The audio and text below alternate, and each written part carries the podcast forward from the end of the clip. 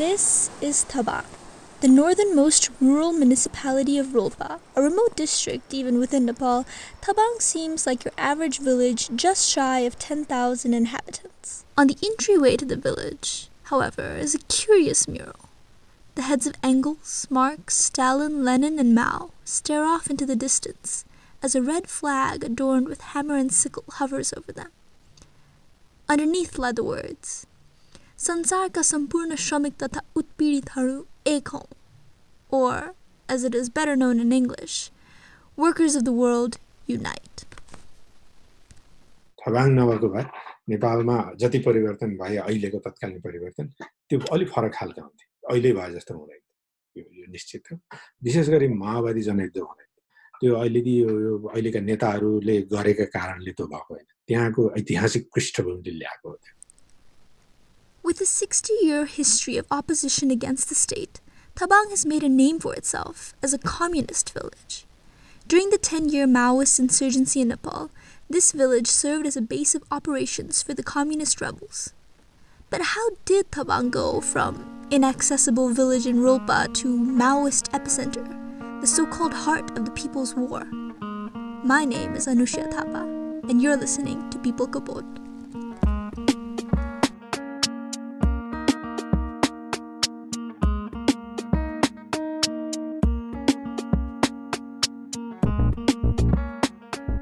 the Maoist revolution started in the 90s, but I wanted to learn what led to that revolution in the history. So I wanted to go beyond the history of revolution itself. This is Dinesh Bodo, researcher and professor at Appalachian State University, who has visited Tabang numerous times in his travels. अब के थियो भने थवाङ लगायत त्यो Thabang area historically more independent नेपालको एकीकरण हुने बेलादेखि नै तिनी they are they are their own socio economic systems र उनीहरू धेरै त्यहाँ मोर फ्युडल र मोर पुवर पिपल पनि थिएन मोरलेस उस्तै उस्तै लिभिङ उस्तै उस्तै setting more community type living helping each other more community economy based type structure हो थवाङ लगायतको त्यो एरियाको खाम मगर कम्युनिटी चाहिँ त्यस्तो specifically Tabang is composed almost entirely of Magar individuals, with a sizable Dalit population as well. I talked to the current elect chairperson of Tabang, Bir Bahadur Kharti, as well as longtime resident Grease Spoon about this unique ethnic composition. According to them, long standing Tabangi traditions contributed to its people's sense of community loyalty.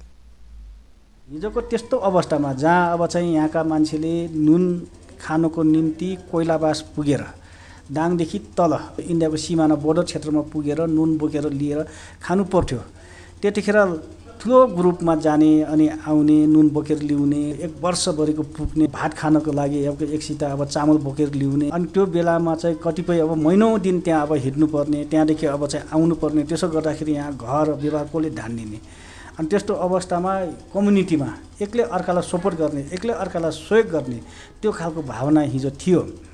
किनकि एउटा घरको मान्छे अब चाहिँ कतै टाढा गएको छ भने उसको घरको गाई बस्तु यहाँको त अब चाहिँ अब पशु चौपायाहरू तिनलाई रेखदेख गरिदिने अनि चाहिँ अब हेरचाह गरिदिने एक्लै अर्काको कम्युनिटीमा एक्लै अर्कालाई सहयोग गर्ने यस्तो खालको अनि चाहिँ अब मान्छे कसको अब डेट हुन्छ कसैको अब वैवाहिक सम्बन्ध हुन्छ त्यसमा पनि घरबाट एक एक मुठी अन्न अब चाहिँ जम्मा गरेर सहयोग गर्ने अनि लिएर चाहिँ जाँडहरू अब त्यस्तै अब चाहिँ घैँटेकै घैँटो उत्पादन गरेर अब त्यसरी सहयोग गर्ने अनि एक आपसमा त्यस्तो खालको सहयोगी भावना हिजो पनि थियो र आज पनि छ। एउटा समुदायमा अलिकति अब मानिएको अलिकति चाहिँ अब ठुलो मान्छेले भनेको चिजमा त्यो अब भनेको लाइनमा त्यो भलै त्यो राम्रो होला नराम्रो होला होइन?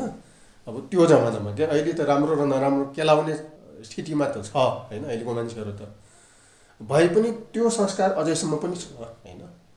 एउटा ठुलो मान्छेले भन्यो भने चाहिँ अलिकति गण्यमान्यले भनेपछि त्यसमा लागिहाल्नुपर्ने कम्युनिस्ट फिलोसफी जो भन्नुभयो नि कम्युनिस्ट फिलोसफी भने चाहिँ अब समानता हुनुपर्छ होइन? लैङ्गिक समानता हुनुपर्छ आर्थिक समानता हुनुपर्छ जाति विभेद हुनु हुँदैन अनि यी कुराहरूले स्वाभाविक ढङ्गले मान्छेलाई छुन्छ है? र फेरि अब दुर्गम ठाउँ होइन? हरेक उसबाट चाहिँ चेपिएको होइन? राज्यले पनि त्यति नजर नलागेको यो ठाउँहरूमा चाहिँ त्यो नारा दियो भनेपछि स्वाभाविक ढङ्गले युवाहरू उदिले ठुन्छन् र त्यो लाइनमा लाग्छन्। र अर्को तपाईँले भन्नुभएको मुख्य कुरो त्यो कम्युनिस्ट फिलोसफी र मगर जातिहरूको जो चालचलन रीतिरिवाज त्यसले पनि अलिकति सपोर्ट दियो कि भन्ने कुरा जो उठाउनु भएको छ नि त्यो पनि हो एउटा होइन? मगर समुदायहरू मैले भनेँ नि एउटा अगुवाले भन्यो भने चाहिँ त्यहाँ चाहिँ अब लागिहाल्ने। अगुवाको कुरालाई अब फाल्न नसक्ने होइन? त्यस्तो त्यसले गर्दाखेरि पनि त्यो कम्युनिस्ट फिलोसफीमा अब अलिकति चाहिँ अब झुकाफ गएको पनि मानिन्छ। One such Tabangi organizer was Burman Buddha, a respected Agwai who led Tabang's first ever rebellion. At the time, Tabang was birta or freeholder land, which meant tax rates were often exploitative. In addition, the feudal lord or birta holder had total control over the land because it was outside the government's jurisdiction. Buddha led a group against the tax collector, known at the time as Mukhya, who was appointed by the birta holder. तर since 1950s, state became more aggressive in extracting natural resources, primarily forest, trees, and also uh, asking for more taxes and other thing, land revenue primarily. त्यसको विरुद्धमा चाहिँ अब ब्रह्माण्ड मुख्य ब्रह्माण्ड चाहिँ अब उडाए त्यतिखेर चाहिँ फेरि आफू एक्लै उडाएर पनि भएन केही चाहिँ अब युवाहरूलाई समेटेर चाहिँ अब कृष्ण मुख्यलाई हात हाल्न नसकेर त्यो खेतमा त्यही अहिले चाहिँ धान खेती हुँदैन। उतिखेर धान खेती पनि हुन्थ्यो रे है तल त्यो बेसीहरूमा। अहिले त्यो अब भुझाइ भएर यत्रो चाहिँ जग्गाहरू छैन। त्यहाँ चाहिँ अब कुलोमा कुलो हाल्न जाने बेला एउटा चाहिँ अलिकति युवा मान्छेलाई यसरी धकेलेर त्यो अब कृष्ण मुख्यतिर धकेलेर बल्ल चाहिँ अब त्यो झगडाको वातावरण सिर्जना गरेको The violence escalated, and Krishna Mukhya was driven out of the village. As punishment for his unprecedented attack against a Mukhya, Burman Buddha was labeled a communist and then arrested and jailed in Putan, the district east of Rolpa. At Putan, however, Buddha made a chance encounter that would result in his and Tabang's communist transformation.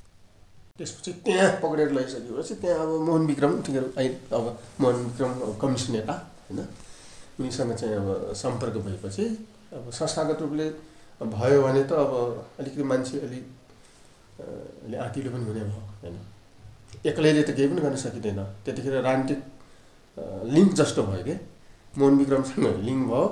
किसान सङ्गठन खोले तेह्र सालमा त्यसरी चाहिँ अब हुँदै हुँदै गर्दाखेरि त्यो कृष्ण मुखियालाई विस्थापित गरेर आफू मुखिया भएको त्यस्तो देखिन्छ। This happened in 1956, 40 years before the Maoists even declared war. When Burman Buddha became Mukhya, he gave cultivable land to marginalized communities and began introducing communist ideas to the village. The Kisan Sangathan, or Farmers Collective, which he opened, became a front for the Communist Party of Nepal. This was especially useful during the Panchayat period, when the king placed a ban on all political parties. To, to that was a kind of revolution for them. That was already a revolution. And Thabang people think that that already liberated them from state control.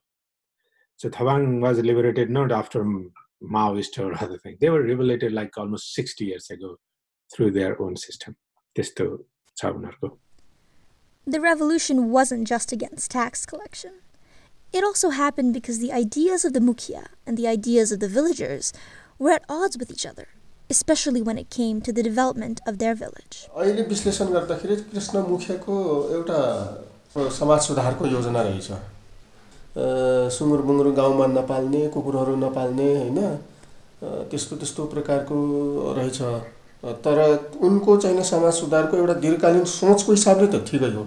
तर त्यतिखेरको वस्तु परिस्थिति त्यतिखेरको जनताको चेतना त्यसले चाहिँ साथ दिएन। अहिले बुझ्दा मैले बुझ्दाखेरि त्यो छ क्या त्यो कृष्ण मुखियाको चाहिँ सोचमा के आयो भन्दाखेरिमा कतै यस्तो चाहिँ गऱ्यो भने अब गाउँघर सफा होला होइन? वातावरण सफा होला भन्ने सोच त भयो। तर बहुसङ्ख्यक अब जनताहरूको चेतना त्यो त्यहाँ त्यो स्तरसम्म पुगेको थिएन। किनभने जनताले मन पराएन है? किनभने अब यो अलिकति धेरै दीर्घकालीन र प्रभावकारी चाहिँ अब योजना ल्याउँदैमा चाहिँ अब उतिखेरै अब त्यो लागु नहुँदो रहेछ भन्ने बुझ्यो Thabang's struggle with top down ideas of development did not end here. Baudel talked to me about how the government and international organizations like USAID pushed the village further left with their unwanted interventions. State sanctioned apple plantations and the nationwide ban on hemp made Tabangi locals feel as though their territory was being encroached. Encroachment विभिन्न ढङ्गको भयो। नेपाल जस्तै थवाङकै community चाहिँ अलिक collective farming community हो त्यहाँ। फार्मिङको हिसाबले। त्यहाँबाट त्यो वन जङ्गलहरू पनि कलेक्टिभ रूपमा म्यानेज गरेको हरू हो त्यहाँ। यो डेभलपमेन्ट प्रोजेक्टले के गरिदियो भन्दा त्यो वन जङ्गलहरू थवाङमै ट्रिगर गर्न चाहिँ उनीहरूले चाहिँ कमर्सियल स्याउ प्लान्टेसन सुरु गर्यो थियो। युएसएआइडी लगायतकोले त्यो थर्ड त्यो कमर्सियल त्यत्रो प्लान्टेसन भएपछि तिनीहरू धनी हुन्छन् अनि सब हुन्छ त्यस्तो मेन्टालिटीबाट गयो तर उनीहरूको त्यो सिस्टम फरक थियो। उनीहरूलाई त्यो पैसालाई धन ठान्दैनन्। अहिले पनि ठान्दैनन्। त्यो त्यो त्यो चाहिँ एकदम पश्चिमा मोडल हो क्या त्यो। त्यो पुँजीवादी मोडल हो। पैसा भएपछि मान्छे सबै ह्याप्पी हुन्छ भन्ने। तर संसार त्यस्तो हुँदैन। थबाङले त्यो रुचाएन। उनीहरूले चाहिँ आफ्नो जङ्गल अतिक्रमण गरेको ठाने। त्यो एउटा भयो। अर्को गाँजा। गाँजा चाहिँ पश्चिमाहरूले यो त लागु औषधि ड्रग भने। जब कि त्यहाँका मान्छेको लागि त यो त घाँस थियो स्याउला थियो लुगा लाउने चिज थियो अचार खाने थियो भुट्टु नाल्ने तरकारी पकाउने तेल थियो त्यो कुरा बुझेन अनि उनीहरूले ड्रग भन्दै सबै स्वतर बनाइदिए काटिदिए। त्यसले मान्छेमा विद्रोह जगाइदियो। त्यो इन्क्रोचमेन्ट जस्तै हेम चाहिँ उनीहरूको लाइफको ठुलो कम्पोनेन्ट हो क्या लाइभलीहुडको हेम्प लगाएपछि मात्रै मकै छर्ने क्या मकै राख्ने हुन्छ किनभने त्यसले मल्चिङको काम गर्छ। मल्चिङ भन्ने थाहा छ? मल्चिङ भनेको त्यो मोइस्चर कन्टेन गर्छ क्या त्यसले। अब त्यो हेम्प सबै काटिदिएपछि त्यो मोइस्चर पनि हुँदैन मकै पनि फल्दैन। भनेपछि होल इको सिस्टममै चेन्ज ल्यायो त्यसले। The people of Tawang turned to the ballot to vent their frustrations, but this only worsened their relations with the state. In 1959, Nepal's first ever general election, 100% of the votes cast from Tabang were cast in favor of the Nepal Communist Party. In the election of 1981, when political parties were banned and they couldn't vote for the Maowadis, Tabang boycotted the election as a whole. This move in particular attracted the attention of the state, which saw Thabang as a problematic communist hotspot. So after that, they started revolting against the state, both men and women, very in a very organized way. त्यसपछि यिनीहरूले के गर्यो भने multiple इलेक्सन्सहरू बोइकट गर्यो त्यो never participated त्यसले झन् further एन्टरगनाइज त्यो खालको टसल सिर्जना भयो त्यो यस्तो हो अब यो कम्युनिस्ट पार्टीको स्थापना के अरे कम्युनिस्ट पार्टीको प्रवेश रोल्पामा नै अब पहिलो जति नै प्रवेश गराएको बर्मन मुदाले नै हो थवाङको। र थवाङमा त झन् अब कम्युनिस्टहरूको अब वर्चस्व नहुने कुरै भएन। जतिखेरसम्म चाहिँ अब अलिकति चाहिँ अब एकले अर्कालाई सहयोग गर्ने भावना त्यो जागृत हुँदै आयो त्यतिखेरसम्म चाहिँ अब यो चुनावहरूमा पनि कि त एकजनालाई मात्रै अब भोट दिने कि त चाहिँ अब बहिष्कारै गर्ने। टोटलै बहिष्कार शून्य नै गराउने त्यस्तो प्रकारको चाहिँ हुँदै आएको हो होइन त्यो हुँदै आएको हो त्यो भनेको अब पार्टीको तत्कालीन पार्टीको चाहिँ अब नीति निर्देशनअनुसार नै भएको हो हामीले बुझेअनुसार हामी अहिलेको युवाहरूले बुझेअनुसार As Tabang continued its struggle against state control, elsewhere in the country, the seeds of communism began to grow. I turned to Michael Hutt, professor of Nepali and Himalayan studies at the University of London, to understand the broader causes for the revolution in Nepal. It's not necessarily to do with abject poverty. It's it's not to do with total exclusion. It's not to do with a total lack of education. It's to do with a kind of potent mix of some measure of those factors in a particular place at a particular time. Hutt stressed that though the economic situation in the country was rapidly deteriorating at the time, Economics alone did not provide a sophisticated enough explanation to the war that would go to kill over 17,000 people.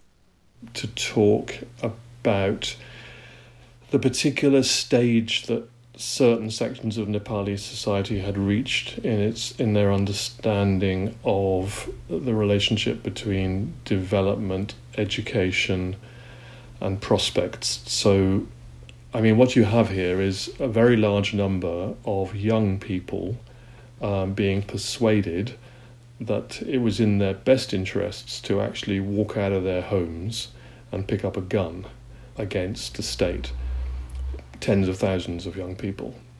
uh, mostly young people, I think, and many of them from Janajati, so minority ethnic backgrounds. Many of the war's casualties were ethnic minorities, with Dalit and Janajati groups making up around 6,700 of the estimated deaths.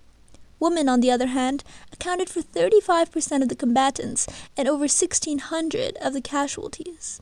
So I think there was this interesting mixture of of youth, idealism, education, and frustration, uh, because people had been educated at, at school level to have some expectations of their lives in Nepal, but were finding that because of structural issues to do with at least partly ethnicity, region, gender, there were obstacles to them achieving their aspirations.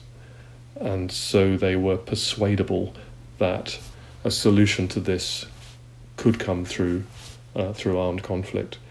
There was also this romantic notion of youth and walking out and new freedoms and new equalities um, and sort of camaraderie amongst young people, particularly within the Maoist organization, the army, which was a liberating kind of vision um, from you know the constrictions and expectations of rather patriarchal social structures, very Brahmin male dominated institutions, and so on. Bir Bahadur Karti, who also fought in the People's War from the side of the Maoists, recounted how he joined the People's Liberation Army.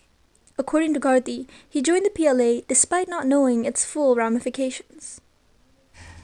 किनकि अब हाम्रोमा कस्तो थियो भने हामी भर्खरको अब चाहिँ आफू जस्तै म त्यतिखेर अब अठार उन्नाइस वर्षको उमेरै थिएँ होला होइन? उन्नाइस बिस वर्षको उमेर थिएँ म। अब जनयुद्ध सुरु गर्दै गर्दाखेरि होइन? त्यो स्थिति थियो र त्यो बेलामा चाहिँ जनयुद्ध भनेको के हो भन्ने कुरो पनि हामीलाई थाहा थिएन।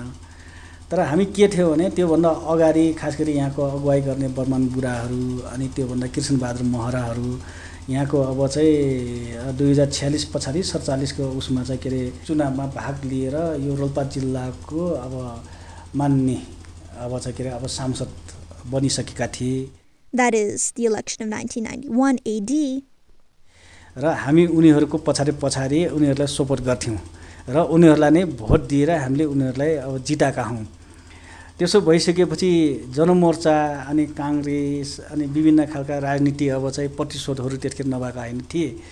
र अब चाहिँ हाम्रो अब चाहिँ मान्नेहरूलाई चाहिँ अब चाहिँ के अरे मान्ने अब सांसदहरूलाई चाहिँ हामीले भोट दिएर चाहिँ जिताइसकेपछि त हामी एउटा पार्टीको वफादार भदरहरू जस्तै हामी बन्यौँ। र त्यो पछाडि अब चाहिँ पार्टीले जनयुद्ध सुरु गर्ने भने रहेछ त्यो कुरो हामीलाई धेरै अब चाहिँ भित्रको कुरोहरू हामीलाई भनेका थिएनन्। तर अब तपाईँहरू अब युवाहरू तपाईँहरू लाग्नुपर्छ यसमा। हामीले अब चाहिँ यो देशमा परिवर्तन गर्नुपर्ने छ देश बदल्नु पर्ने छ। र यो अब राज्य व्यवस्था बन्दुकको अब चाहिँ नालमा टेकेको राज्य व्यवस्थालाई बन्दुकले ढाल्नुपर्छ हामी बन्दुक उठाउनुपर्छ। त्यसो हुँदाखेरि हामी चाहिँ यो देशका अब असल वफादार सिपाही बन्नुपर्छ भनेर नेताहरूले हामीलाई त्यो भन्थे। अब चाहिँ व्यवस्था के हो भन्ने कुरो बुझेको थिएन होइन? शासन कतातिर जान्छ भन्ने कुरो बुझेको थिएन। अब बन्दुकको बलमा टेकेको राज्य व्यवस्थालाई बन्दुकले ढाल्नुपर्छ। त्यसो हुँदाखेरि यो राज्य व्यवस्थाको विरुद्ध हामीले बन्दुक उठाउनु पर्छ भन्ने कुरो त गरेँ। हामी भर्खरको युवाहरू होइन अब चाहिँ बन्दुक उठाउनु उठाउने के छ र अब चाहिँ भर्खरको उमेरमा त मारकाट गर्ने पिटापिट गर्ने त मान्छेलाई जोस आउँछ होइन? त्यो धेरै राजनीति बुझेर यसको अब पछाडि अब चाहिँ असर के आउँछ त्यसले अब के गराउँछ भन्ने कुरो बुझिएन कि?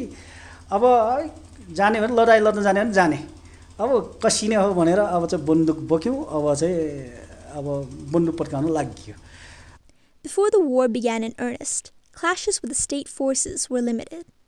However, the government launched Operation Romeo in 1995, which involved brutal police crackdowns that some suggest only bolstered Maoist recruitment. Well, I mean, I think the state's response to it fanned the flames in the sense that it was seen from Kathmandu as being primarily a kind of law and order issue. So um, you know the police were, were mobilized against it as you know in a in a in a very clumsy and, and often very brutal kind of way where all those you know unfortunate aspects um, of the power relations within Nepali society came into play, um, uh, with a lot of you know a lot of human rights abuses and a lot of you know extrajudicial ex- executions, imprisonment, incarceration, um, abuse of various kinds. So, you know what uh, began as I think you know a, a local uprising um, driven by a lot of local factors as well as national factors quickly became it was the flames were fanned so there was a great deal of anger resentment um, and there were also you know some canny national level politicians who were able to to pick up on that and mobilize on the basis of that at that particular time सुरुमा कि म भर्खरको थिएँ त्यतिखेर सानै थिएँ यस्तो बोल्नै आउँदैन थियो त्यतिखेर अहिले अब अलिकति पनि बोलिन्छ बोल्न भने आउँदैन थियो कि त्यतिखेर अनि मेरो मामालाई पुलिसले समाएर लग्नु भएको लगेको थियो कि त्यहाँ This is Jeet Kumari Bika, one of the current elected ward members for the Tabang Rural Municipality. मामालाई खाना लगेर गएको अनि खाना लगेर जाँदा पुलिसहरूले राइफलले यस्तो यस्तोमा ठट्टाडियो क्या हान्न टाउको टाउकोमा हान्ने त्यस्तो गरे। अनि तरकारी चाखेर दिए भात चाखेर दिए भन्ने चलन रहेछ भन्दो रहेछन्। किनकि अब के हालेर लिँदैला भन्ने खालको सोच रहेछ। तर हामीलाई मलाई फेरि तरकारी चाक भन्दो रहेछ चाख्ने भन्ने चाहिँ मलाई त्यो नबुझेर कि के भन्छ के भन्छ होइन बुझ्दैन पिटे धेरै पिटाइ खायो यो जनयुद्धकालमा मैले के भन्छु भने ठबाङवासी जनयुद्धकालमा दुःख नपाउने कोही पनि छैन The official declaration of the People's War was made on the 13th of February, 1996.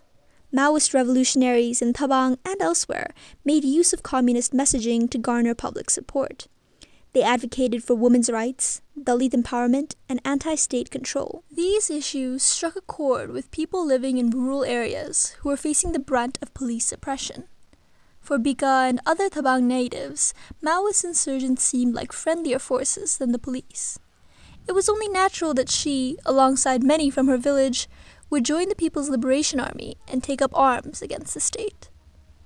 अब हाम्रो त गाउँमा ठ्याक्कै जलजलाबाट एकचोटि लडाइँ एक त्यस्तै कुनमा जलजलादेखि आर्मी पुलिस झऱ्यो अनि माओवादी भनेर गाउँका सर्वसाधारणलाई पनि गोठमा बस्ने लाटाहरूलाई पनि तानेर ठुटेर टाउको छिनाएर लगिदिएर ठुलो नेताको लग्यौँ भन्ने खालको पनि गरेँ नि त त्यतिखेर त्यहाँ त्यत्तिकै लडाइँ झ्राम झ्राम पट्का छन्। लडाइँ मचिया छ है।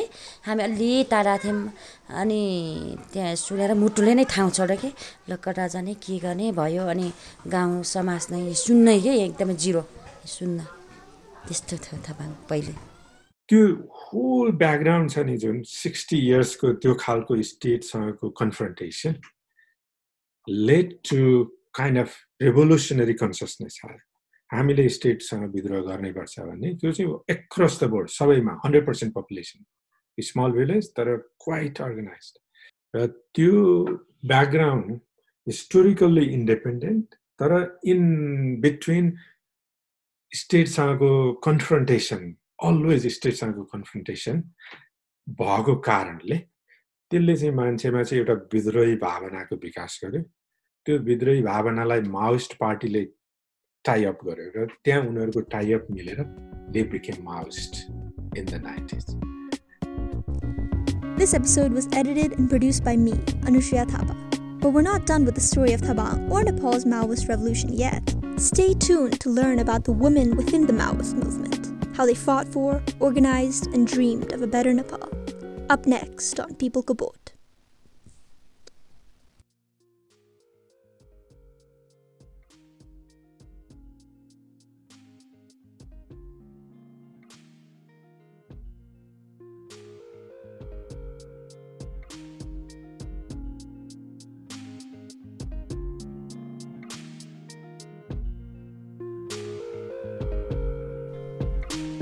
This episode would not have been possible without a generous grant from the Undergraduate Research Department at Northwestern University.